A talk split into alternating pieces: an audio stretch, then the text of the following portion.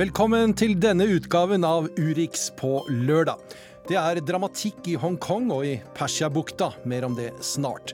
Men følger du med hele veien, så får du også høre om internasjonal korrupsjon, is som smelter, folkene som sliper kniver bak ryggen til paven, om et problem som tyskerne lett kan løse, litt om månen, og så selvfølgelig brevet, denne gangen fra Sissel Wold.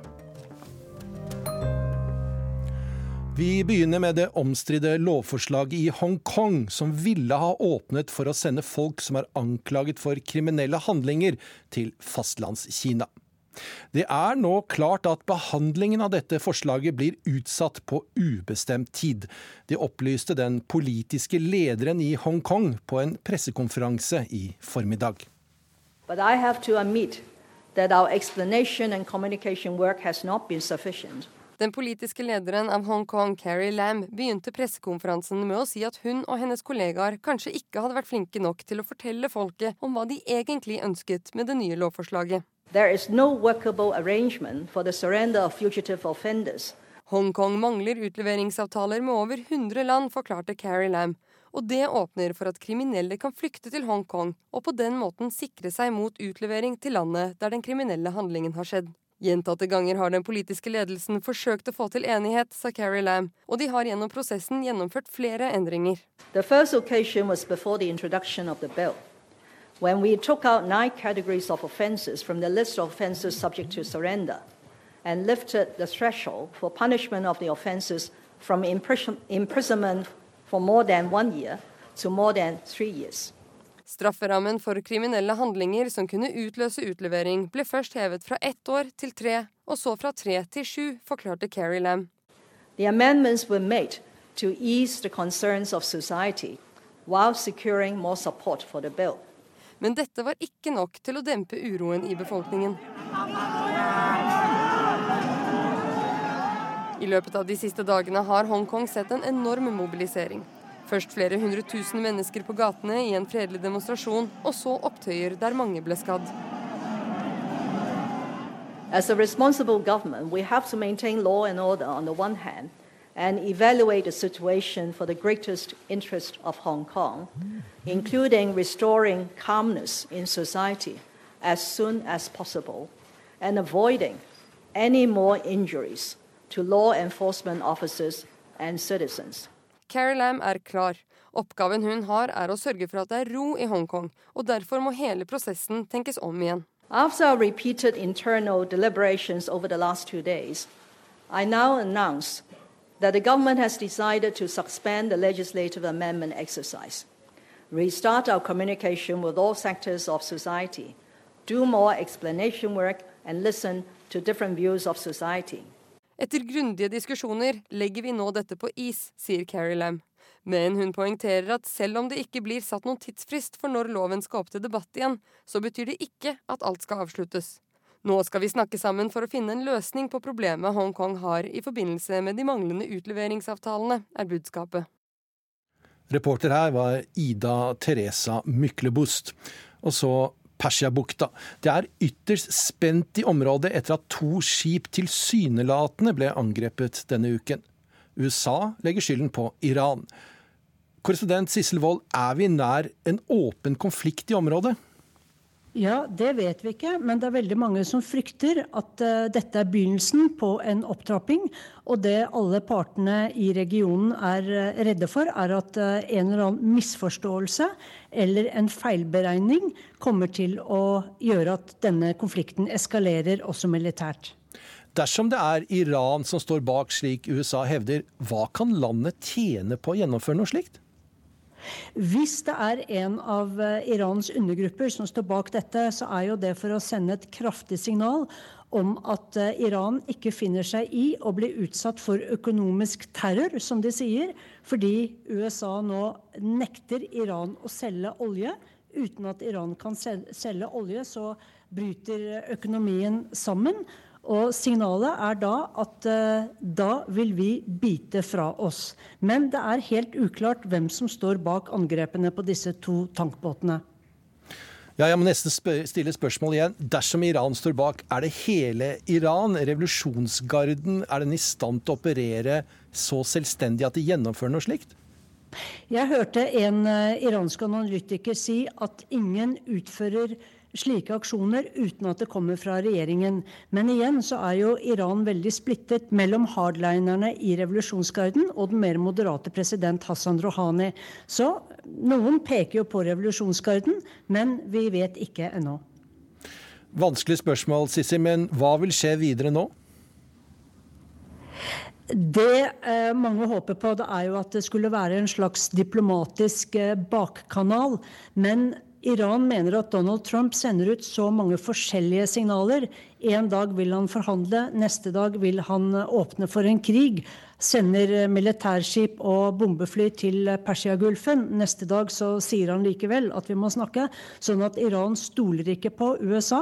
Iran sier også at det er USA som må komme tilbake til atomavtalen, fordi det var de som forlot atomavtalen. Så det er jo mangel her på en diplomatisk bakkanal. Eh, Japans statsminister forsøkte jo, men under hans besøk i Iran så ble jo et japansk tankskip angrepet. Takk til deg, Sissel Wold.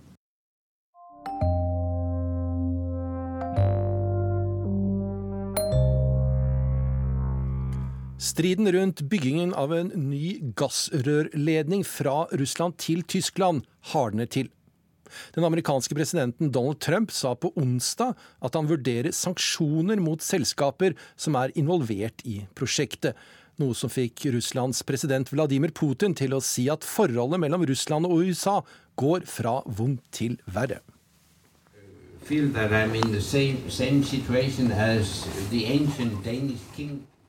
Han er ikke lenger verken dansk statsminister eller generalsekretær i Nato. Men Anders Fogh Rasmussen er fremdeles svært aktiv på den internasjonale politiske arena, nå som konsulent i sikkerhetspolitiske spørsmål.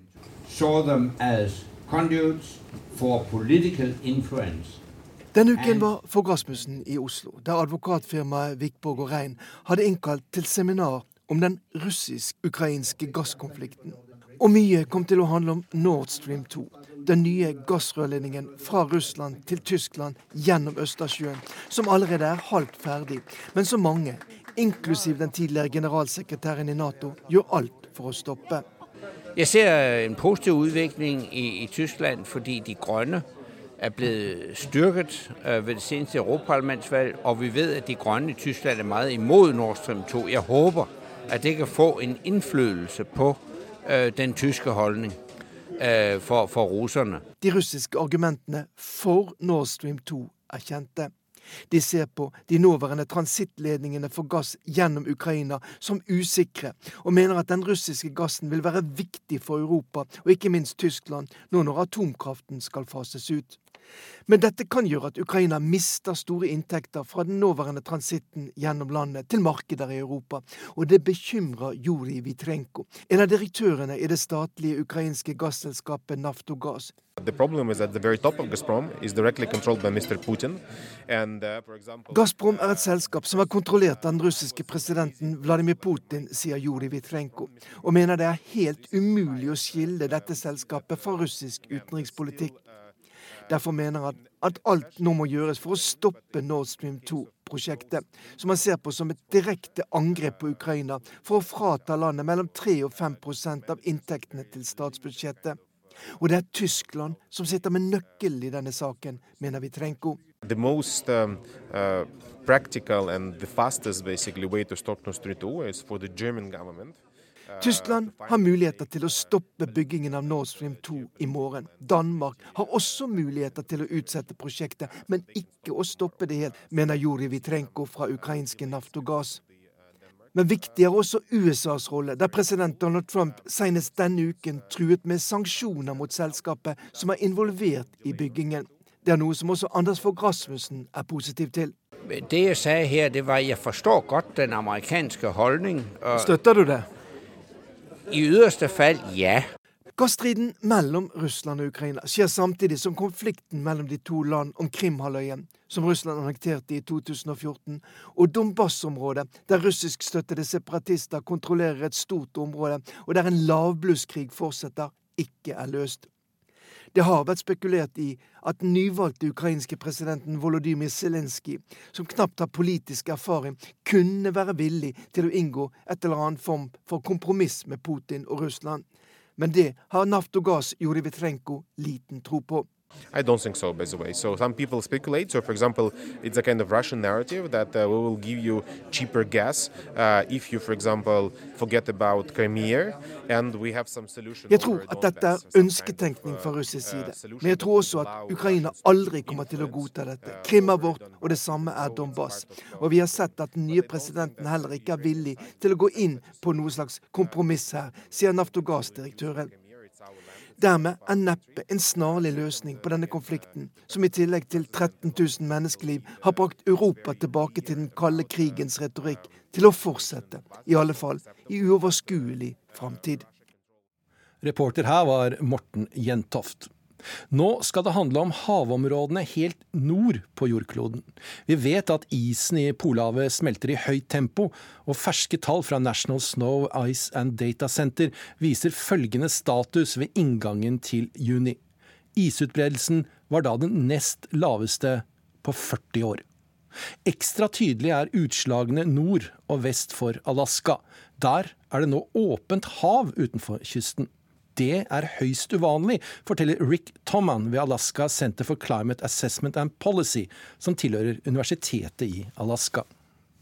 Currently, uh, the sea ice extent in the Bering, Beaufort, and Chukchi seas on the west and north sides of Alaska are all at at basically record low levels. The Bering Sea is mostly melted out now. Det er rekordlite is i havområdene utenfor Alaska. Beringhavet er nesten helt isfritt nå, sier Rick Thoman, klimaekspert ved Alaska Center for Climate Assessment and Policy. Nord for Beringstredet er det mindre is enn noen gang siden målingene med satellitt starta, forteller han. Right now, sea ice extent at the lowest level in uh, the. Lett å ta seg fram gjennom tynn arktisk is, og det blir det altså mer av. Tynn is som dekker et mindre område enn før. Og når mer havis forsvinner, blir havet varma opp raskere og raskere fordi sollyset ikke blir reflektert tilbake av isen. Når temperaturen stiger, smelter også permafrosten. Og for folk i Alaska blir jaktsesongen ute på isen kortere. But the sea ice is um, dramatic increase in temperatures, thawing permafrost, um, much increased coastal erosion, with much shorter uh, seasons uh, for um, for hunting activities. So. Um, uh, very dramatic uh, impacts for uh, the state of Alaska. As you head towards the Alaskan coast and towards the, the Russian Arctic, the ice gets thinner. It's ice that only stays around uh, Forskere fra NASA går gjennom opptak fra flytokt over hav og is nord for Alaska. De følger utviklinga nøye.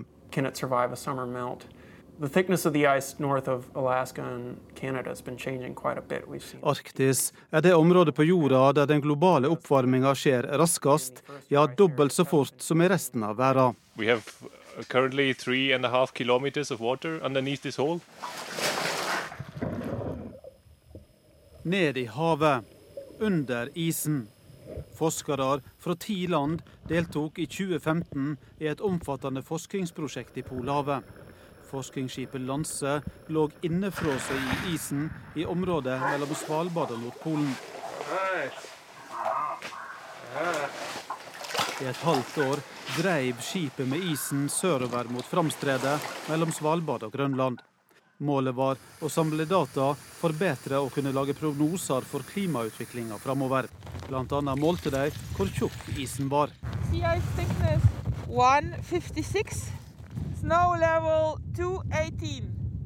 Nå er en ny og langt mer omfattende ekspedisjon under planlegging. Den blir omtalt som den største ekspedisjonen i Arktis noen gang. We don't understand the Arctic climate system very well. If we look at the uncertainties of uh, climate projections, uh, the uncertainties of uh, projected warming until the end of this century, uh, uh, Vi forstår ikke klimasystemet i Arktis godt nok. Mykje er fremdeles usikkert. Vi trenger mer kunnskap, sier Markus Rex ved Alfred Wegener-instituttet i Tyskland. Han er leder for ekspedisjonen som starter i september og skal gå over et helt år. 17 land er med på prosjektet. Isbryteren Polarstern skal drive med isen over Polhavet med i alt 600 eksperter om bord i løpet av året.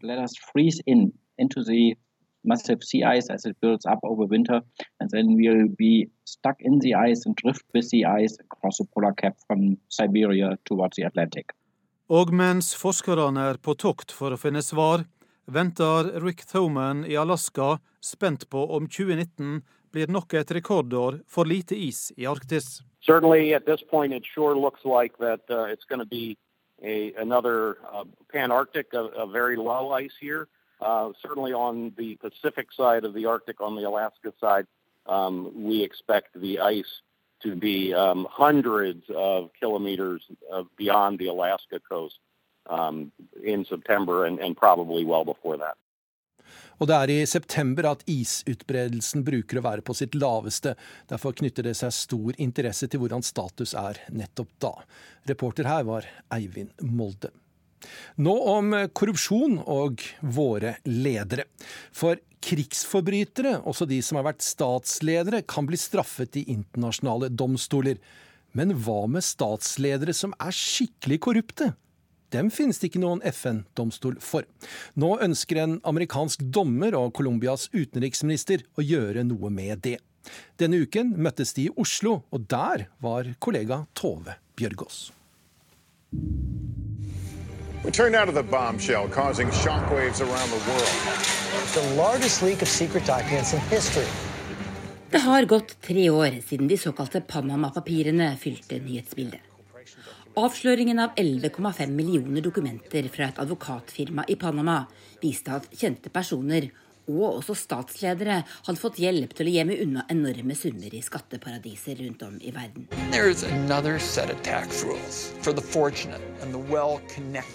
To ledere som ble nevnt, var Russlands president Vladimir Putin og Syrias Bashar al-Assad. Men også mange flere. Etterpå har det imidlertid blitt nokså stille. For hvordan stiller du en korrupt statsleder, som kanskje ikke engang er demokratisk valgt, eller i alle fall har festet grepet om valgsystemet i landet sitt, til ansvar? Vi trenger en helt ny internasjonal domstol, mener den amerikanske føderale dommeren Mark Wolf. This is an entity to provide a forum for punishing corrupt leaders of countries who cannot be punished for violating their own country's criminal laws because they corruptly control the police, the prosecutors and the courts. Slike ledere kan ikke stilles for retten i sine egne land, fordi de ofte kontrollerer både domstolene og politiet, gjerne på korrupt vis, sier Wolf. Jeg møter ham på Grand Hotell i Oslo, sammen med Colombias utenriksminister Carlos Holmes Trujillo. Norad arrangerte denne uka en konferanse om kampen mot internasjonal korrupsjon. Og domstolen var det flere der som støttet, forklarer Trujillo. the problem is been growing and growing and growing up to a point in which it represents 5% of GDP. So if the problem is growing and the measure and the instruments that we have are not enough, what we have is to create a stronger instrument to fight effectively corruption. And from that point comes the idea of creating an international anti-corruption court. Korrupsjonen i Midtland utgjør nå 5 av bruttonasjonalproduktet. Vi trenger en slik domstol sier Colombias utenriksminister. Mark Wolf er rask til å svare når jeg spør om han har et eksempel på en statsleder som kunne blitt stilt for en slik domstol dersom den eksisterte. Perhaps the poster boy for this would be President Putin in Russia. The Panama Papers uh, indicate that uh, he uh, is perhaps the wealthiest man in the world and through a childhood friend has laundered millions of euros uh, through Switzerland but there's no uh, prospect that uh, the information courageously generated by the journalist who did the Panama Papers would be used as evidence against President Putin in Russia. But if he did indeed launder money through Switzerland, and Switzerland was a member of the International Anti Corruption Court, in. President Putin kunne blitt stilt for retten f.eks. i Sveits dersom det stemmer at han har hvitvasket penger gjennom sveitsiske banker, slik Panama-papirene antyder. Da kunne Sveits sende hans sak videre til en internasjonal domstol om de var medlemmer, sier dommeren. Men hva med Mark Wolfs egen president? Også han har anklager hengende over seg. Do you think this, this would be supported by, by the Trump administration? I think it will be opposed by the Trump administration. However, uh, that's an advantage as well as a disadvantage. Uh, I first proposed the International Anti Corruption Court in 2014, and I realized quickly that this proposal could not advance if it was a proposal from the United States for everybody else and not for us. And that's why it's so gratifying uh, that Colombia, led by Foreign Minister Carlos Holmes Trujillo, is uh, leading the effort to create the court.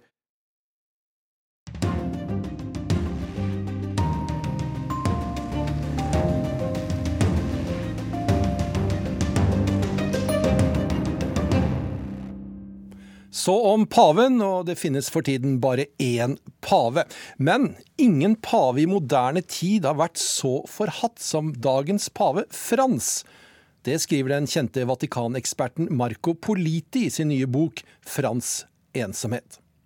Paven har vakt oppsikt med sine radikale utspill og sin reformpolitikk, og han har skaffet seg mektige fiender både innenfor og utenfor den katolske kirken. Arnt Stefansen har sendt oss denne reportasjen fra Roma.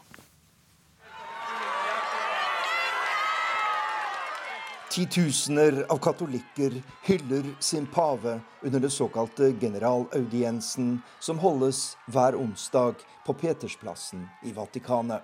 Cari fratelli e sorelle, buongiorno. Pave Frans har skapt stor begeistring med sin folkelige stil og sin kritikk av pengemakt, miljøødeleggelser og moralisme i kirken. Men han har også skaffet seg mektige fiender som ønsker at han skal trekke seg så raskt som mulig. I moderne tid har vi aldri sett slike angrep mot en pave, sier Vatikaneksperten Marco Politi, som nettopp har utgitt boken La solitudine di Francesco, Frans ensomhet. Papa Francesco è, è in molta difficoltà. Pave Frans er i store vanskeligheter fordi det innenfor kirken nå er en sterk offensiv fra de konservative, der angrepene mot ham trappes opp.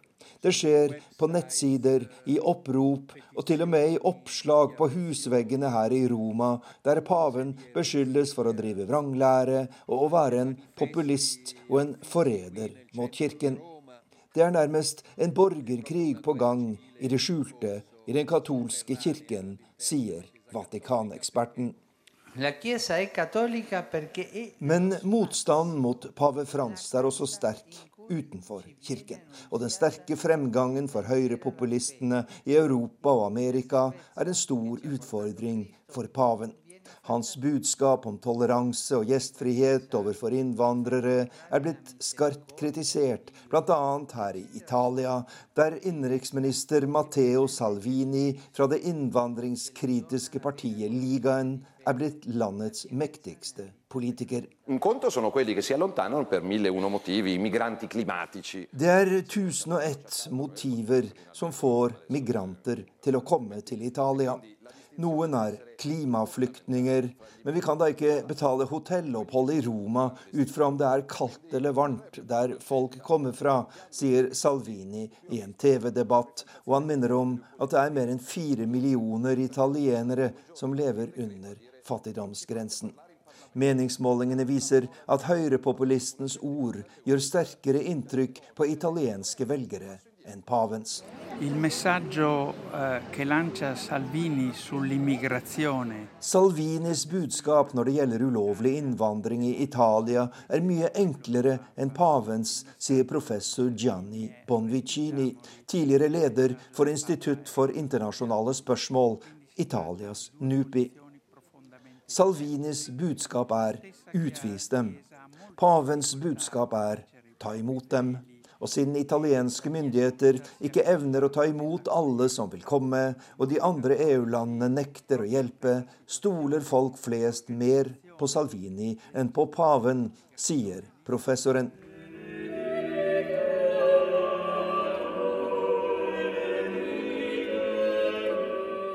Pave Frans har sittet på Peters stol siden 2013, og han har antydet at hans pontifikat ville bli kort, kanskje tre til fem år.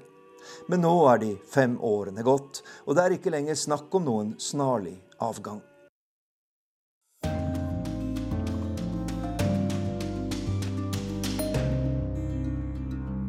Så er vi fremme ved ukens brev fra Sissel Wold. Mannen jeg kjøper blomster av i Istanbul, var strålende fornøyd i vår. I 20 år hadde han stemt på opposisjonspartiet, men i like mange år hadde president Erdogans parti vunnet alle valgene om makten i byen. Men endelig, nå som han rundet 40 år, hadde stemmen hans ført frem for første gang. Hans kandidat, Tyrkias nye politiske stjerneskudd Ekrem Imamolo seiret i borgermestervalget. Og Erdogans parti AKP mistet makten for første gang på et kvart århundre. Nå skulle det bli nye tider i Istanbul med musikkfestivaler og ny giv. Men våget han å tro på det? Den joviale blomstermannen så på meg med et bekymret smil mens han kuttet stilkene på et par roser. Tror du at stemmen min virkelig kommer til å telle denne gangen? For jeg vet ikke om jeg tør å tro det selv, sa han mens han plukket frem flere røde roser fra en stor bøtte.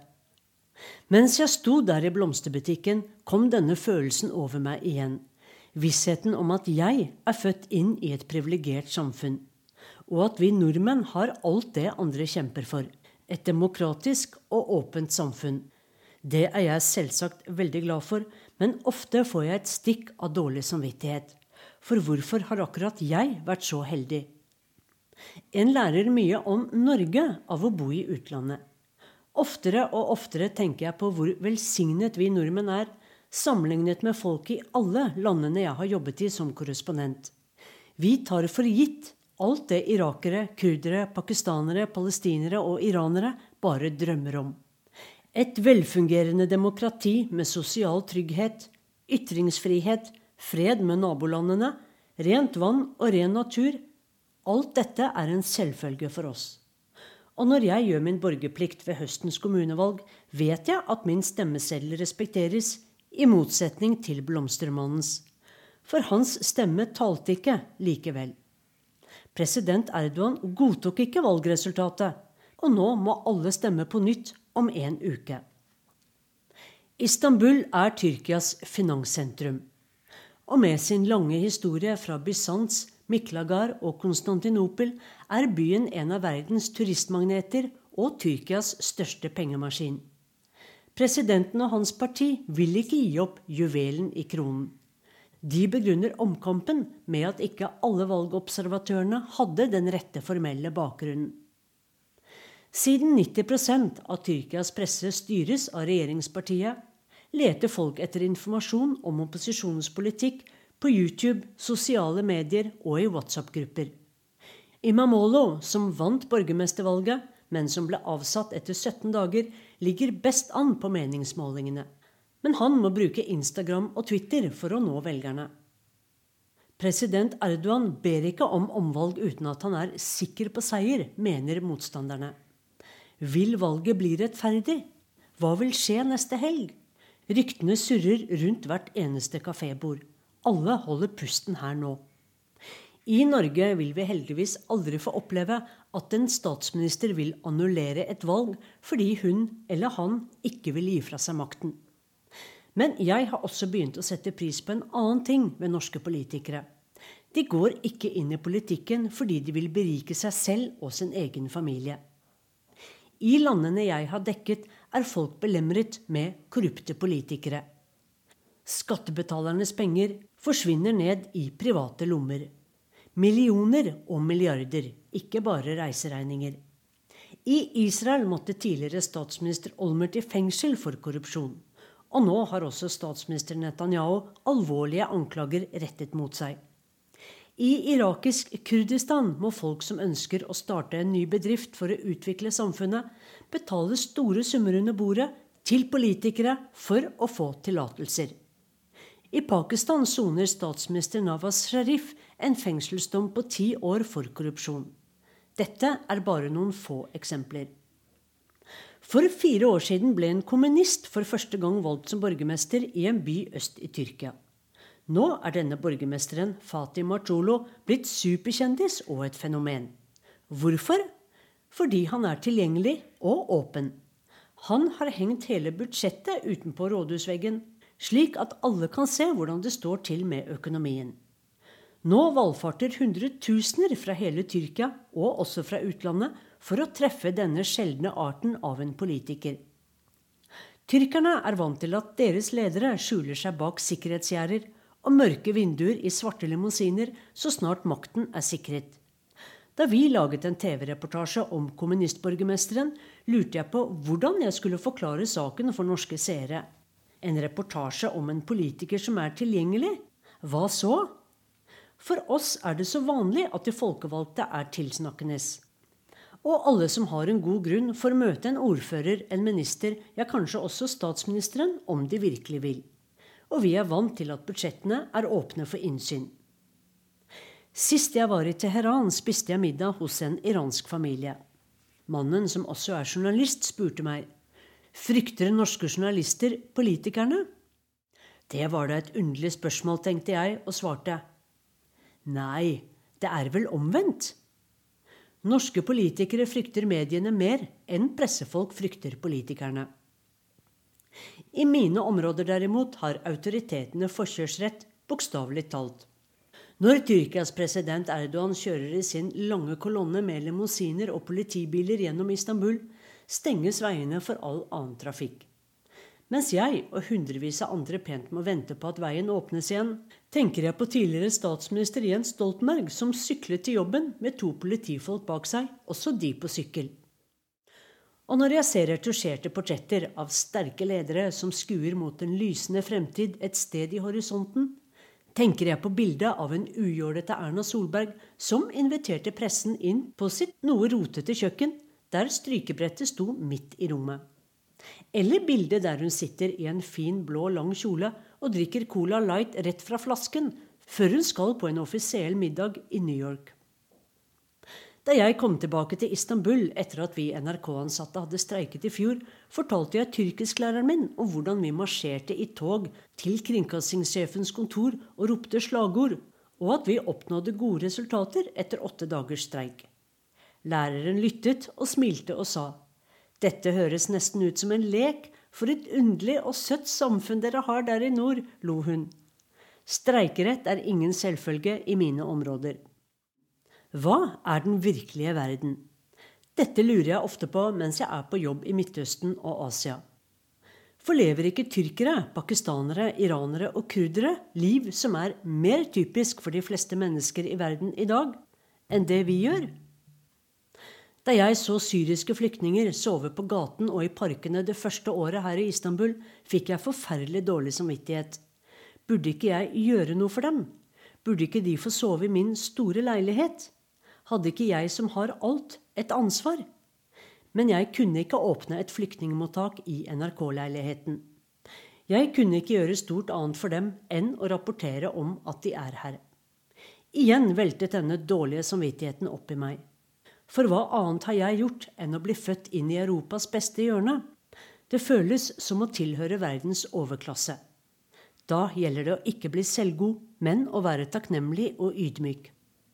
I løpet av de tre årene jeg har bodd i Tyrkia, har jeg sett flere tyrkiske venner forlate landet. De har reist til USA eller Europa fordi de leter etter stabilitet. De er så lei av politisk uro og usikkerhet. Kanskje det er når vi nordmenn bor ute i den virkelige verden, at vi oppdager hvor enormt privilegerte vi er, vi som lever i et beskyttet samfunn langt der mot nord. Vi burde sette pris på det hver dag. Og nå kommer vår podkast Krig og fred, som denne gangen handler om månen.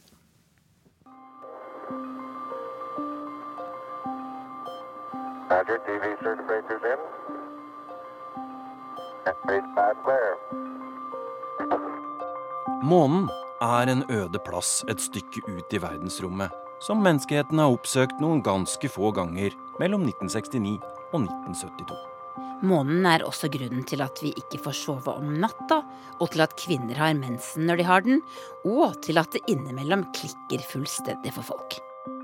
Og månen er en forretningsmulighet som noen av verdens rikeste menn nå vil tjene seg enda rikere på å frakte turister til.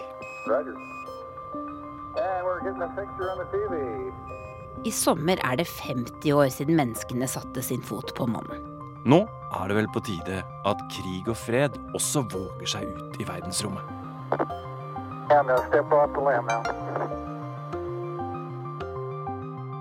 Krig og fred med Tove Bjørgaas og Tore Moland.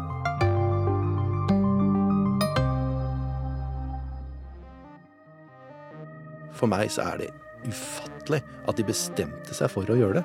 At de faktisk gjorde det på 60-tallet. Det er som om amerikanerne tok et tiår, vårt tiår, det vi lever i nå, 2020-tallet, og sendte det 50 år tilbake i tid. Og gjorde det til sitt eget. Og, da, også gjennomførte de månelandingen. Så utrolig var det at de gjorde det. Men hvorfor gjorde de det? Det var for å vise at eh, kapitalismen var det beste, ikke kommunismen. Det var egentlig det som lå i grunn. De skulle imponere resten av verden. De skulle sørge for at eh, deres allierte fortsatt var alliert med dem. At de stolte på at USA var storegutten i klassen. Var den som du burde holde deg til hvis alt skal gå bra. Og så var det rett og slett for å vinne eh, månekappløpet mot eh, russerne. De skulle vise at eh, USA kan slå Sovjetunionen. Hei, jeg er uh, Halvard Sandberg. Jeg er utenriksjournalist i NRK. Grunnen til at jeg er satt i utenriks, er for at jeg er veldig veldig opptatt av romfart og astronomi. Altså ting som er langt, langt vekk, og det er veldig utenriks. Hva skyldes fascinasjonen din for uh, romfart og verdensrommet, Halvard? Ja, fordi at vi vet veldig mye om uh, jorden. Vi vet liksom Det meste har jeg inntrykk av da. Det er ikke noen sånn virkelig store overraskelser her på jorden. Men der ute kan det jo være hva som helst. Et eller annet. Som plutselig oppdager vi noe. Sånn som f.eks. en stor stein som vi trodde alltid var en stein i banen til Jupiter, kan være et romskip. Det er sånne ting som det som går jeg tenker på. Det er det som gjør det gøy. 50 år siden eh, menneskeheten landa på månen. Hva har det betydd for oss? Min eh, yndlingshypotese, som er så god at jeg har ikke lyst til å kontrollere den altfor nøye, men den kommer ikke fra meg, den kommer fra noen andre, er følgende at amerikanerne viste seg totalt teknologisk overlegne for 50 år siden med å lande på månen. De greide noe som for russerne virket nesten umulig, selv om de prøvde.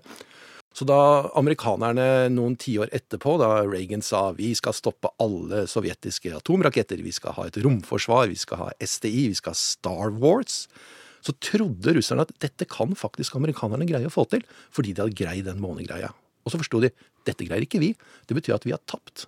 Vi greier ikke dette her. Kaster kortene, oppløser til slutt Sovjetunionen, og kalde krigen er over. Og vi lever tryggere på grunn av månelandingen. Den er fin. Og etter det, da? Da var det ikke noe vits i å fortsette måneprogrammene, da, eller? Nei, overhodet ikke. Etter at uh, Neil Armstrong og Buzz Aldrin uh, hadde landet i juli 1969, så var det ingen grunn til å fortsette måneprogrammet, og det forsto de amerikanske politikerne også. Så uh, det, NASA fikk aldri mer så mye penger, og har ikke nå heller. Hvor mange ganger har det vært mennesker på månen, egentlig?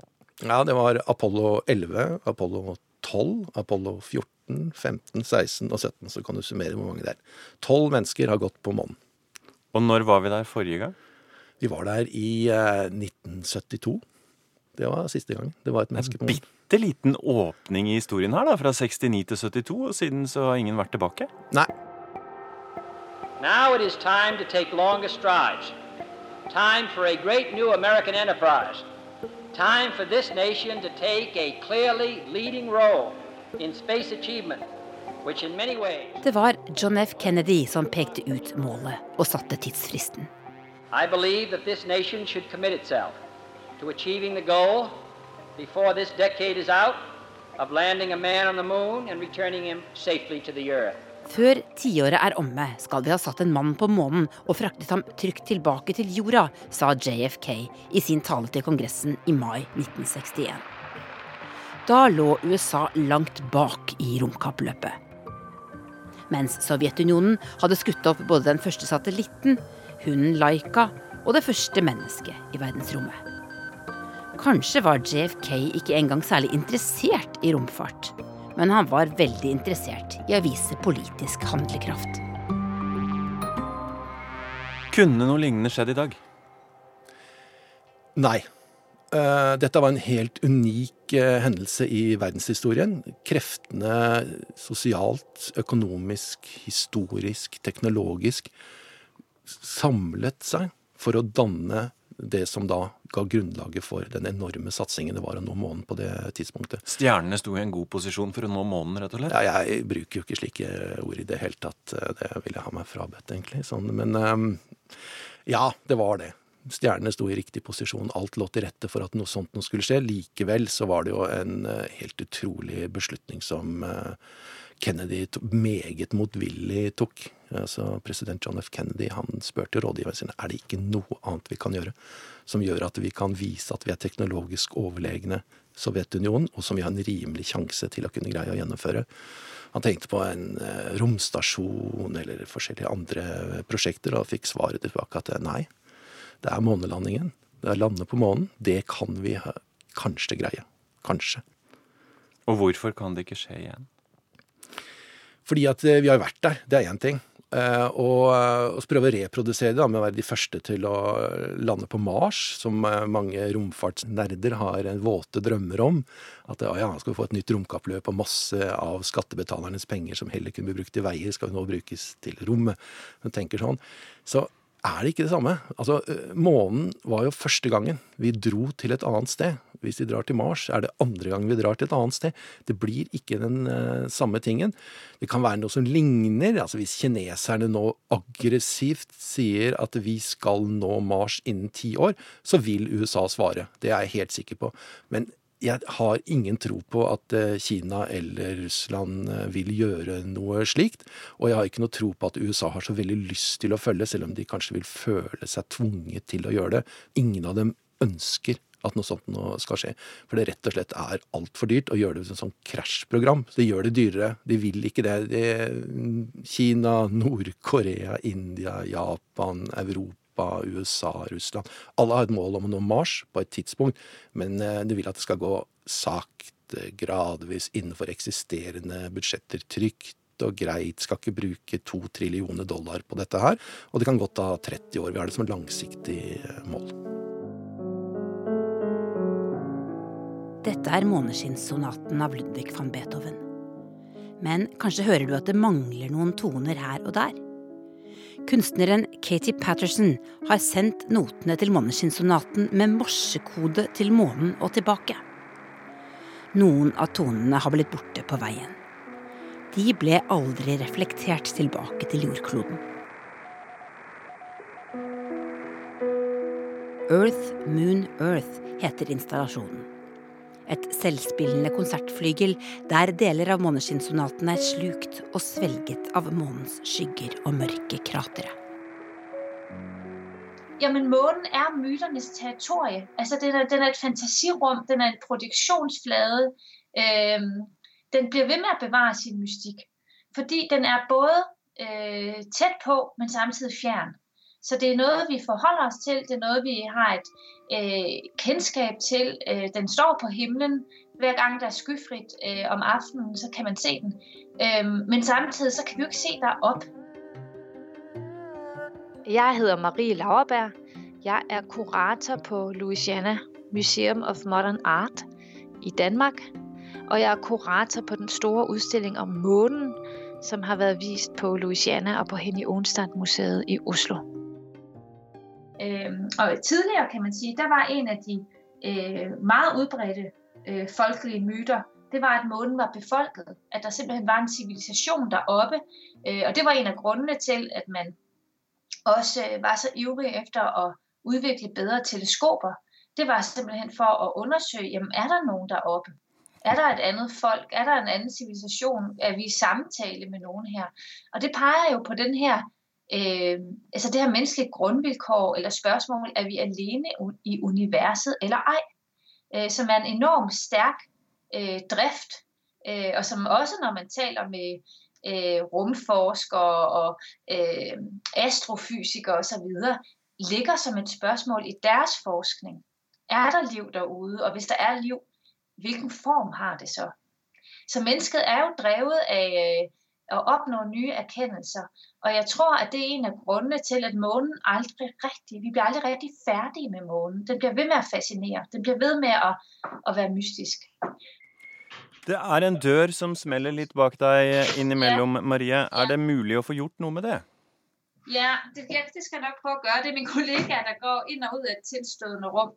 Så Okay. lurer jeg også på om du Har du nå en mikrofon, eh, eller snakker du bare sånn til datamaskinen din? Jeg taler til datamaskinen. Ja. Jeg har en mikrofon siddende her, den kan jeg prøve å tale inn i. Er det bedre nå? Jeg tror det er litt bedre nå.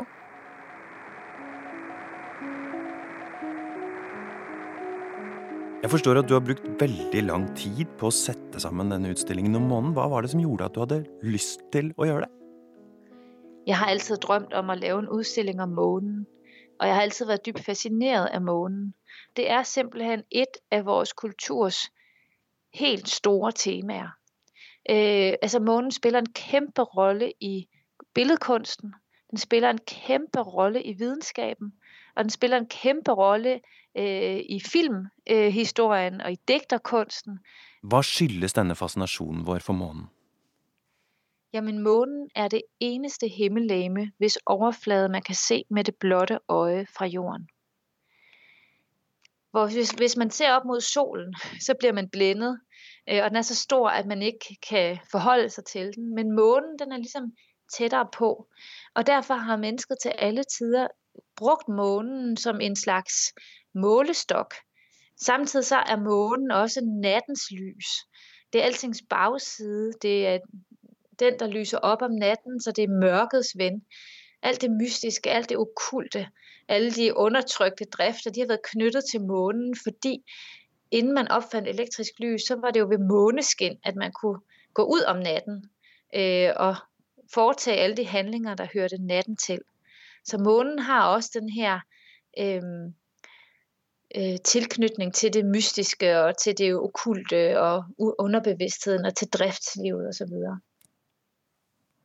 Alle disse mystiske forestillingene om månen, har de endret seg noe av at vi da for 50 år siden kom dit, og etterpå har vært der? Noget av det, som er så spennende og fascinerende ved månen, det er, at ligegyldigt hvor meget viden vi får om den gennem videnskaben, lige meget hvor grundig den blir udforsket av romprogrammene, så oppstår der altid nye myter. En av de allermest kendte myter om månen overhovedet, det er jo den her urban legend, der handler om, at månelandingen var fake. Og ligegyldigt hvor mange beviser man lægger frem, ligegyldigt hvor grundigt man redegør for alt, hvad der foregik, ligegyldigt hvor mange vidner, der direkte kan bevidne, at det her det simpelthen er fundet sted, så er den her myte utrolig vedholdende. Altså man bliver simpelthen ved med at fastholde, at øh, det er en mulighed, at månelandingen simpelthen var fake. Og de her myter om månens tilknytning til fertilitet, og månens tilknytning til fødsler, månens tilknytning til galskap, at man ikke kan sove, når der er fullmåne osv., de er jo stadigvæk fungerende i dag. Selvom videnskaben igjen og igjen og igjen avviser dem, så er der altså en eller anden tro, der ligger hos oss på, at månen, den, der er mere ved månen, end man lige skulle tro. The time has come for civilians to fly to the moon. Tida har kommet for å sende vanlige folk til månen, heter det i reklamen fra SpaceX. Tesla-gründer Elon Musk reklamerer med at i 2023 skal han gjennomføre den første private måneferden. En rik japaner har betalt for billetten og sagt at han vil ta med seg seks til åtte kunstnere på turen. What will they feel when they see the moon? When they see Earth in full view? And what will they create? I nær fremtid så er det jo sånne folk som oss som er den viktigste driveren for dette med månen, og det er turisme. Fordi eh, hvem er det som ikke har lyst til å dra til månen?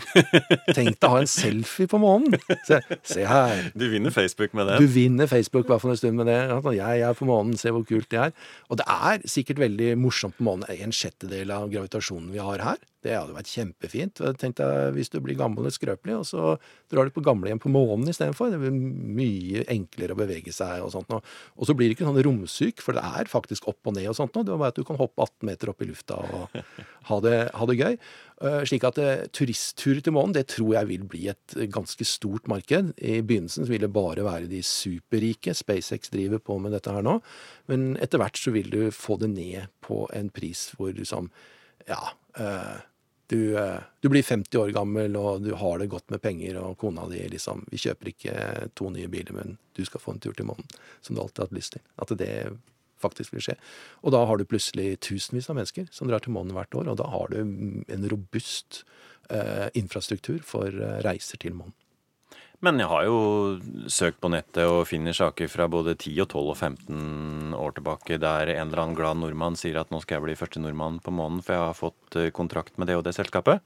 Det lar vente på seg. Det lar vente på seg, og det er mye lureri ute i den bransjen der. Og jeg har ikke gjort meg selv populær i en del kretser med å si at en må ikke tro på dette her. Det kommer jo ikke til å skje. Men nå er vi med den infrastrukturen som SpaceX, Blue Origin gjennom Amazon er i ferd med å bygge opp. Så, så ligger det an til det, altså. Det gjør det. For første gang. Det er ikke, det er ikke Pentagon og Capitol Hill og White House og Kreml som styrer disse pengene, det er faktisk private selskaper som ser en forretningsmulighet, og også har en visjon om at dette er noe de vil gjøre. Så er, det er annerledes nå altså, enn det var på det tidspunktet hvor Apollo-programmet ble gjennomført. Har du en liten hemmelig sparekonto gående for å komme deg til verdensrommet, eller? Mm, nei. Jeg har ikke det. Det, det er vanlig lønnsmottaker. Jeg vil ikke kunne oppleve noe sånt noe på den tiden jeg har igjen på den planeten her.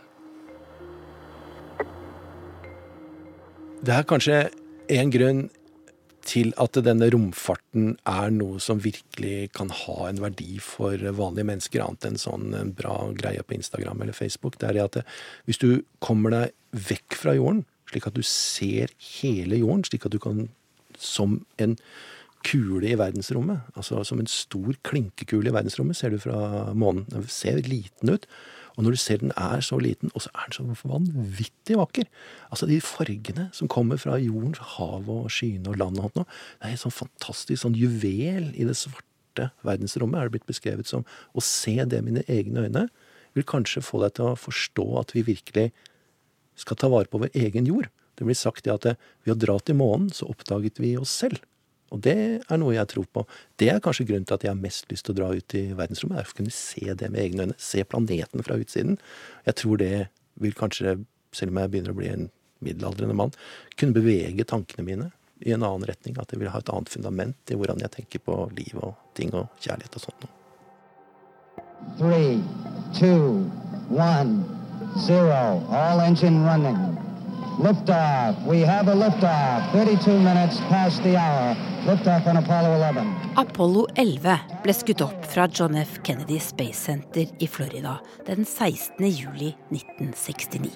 Søndag 20. juli klokka 17 minutter over ni om kvelden norsk tid satte landingsfartøyet The Eagle fot på månens overflate. Okay, engine stop. Tranquility Base here. The Eagle has landed. Og fire minutter på fire, natt til mandag 21. juli, tok Neil Armstrong de første skrittene på månens støvete overflate. One small step for man, one giant leap for mankind. Historiens dom 50 år etterpå, Halvard Sandberg. Var det verdt det? Hvis det stoppet den kalde krigen, ja da. Det var en liten utgiftspost, 25 milliarder dollar. For å inspirere en hel generasjon til å kanskje bli forskere, medisinere, gi deg bedre joggesko. Ja, da er det vel verdt det. For å ha forent verden, i hvert fall noen korte dager, at vi menneskene greide dette her. Den tanken som ligger i ryggraden, ja, da er det vel verdt det. At vi hadde de den ekstasen som menneskehet sammen. Nå som vi er så polarisert at vi faktisk kan se tilbake at vi, vi var det noen dager. Så var vi sånn. Ja, jeg syns det har vært det. Jeg syns det. Og jeg greier ikke å se noe annet prosjekt som kunne forene oss på samme måte nå, for månen er allerede tatt, og Mars vil ikke være like imponerende. Hvis vi var helt sikre på at det kom en stor stein som ville utslette jorden om 40 år, og vi samla alle ressurser vi hadde for å stoppe den Alle Kina, India, Japan, Nord-Korea, USA, Russland gikk sammen om et kjempeprosjekt for å stoppe den steinen, og den stoppet den. Faren var vekk. Kanskje ville fått igjen. Ja, det var vi menneskene som greide dette her. Kanskje.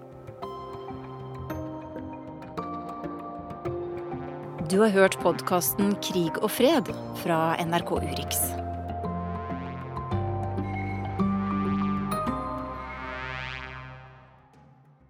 Og med det er Urix på lørdag over. Teknisk ansvarlig Finn Lie, produsent Ingvild Ryssdal og i studio Halvard Sandberg.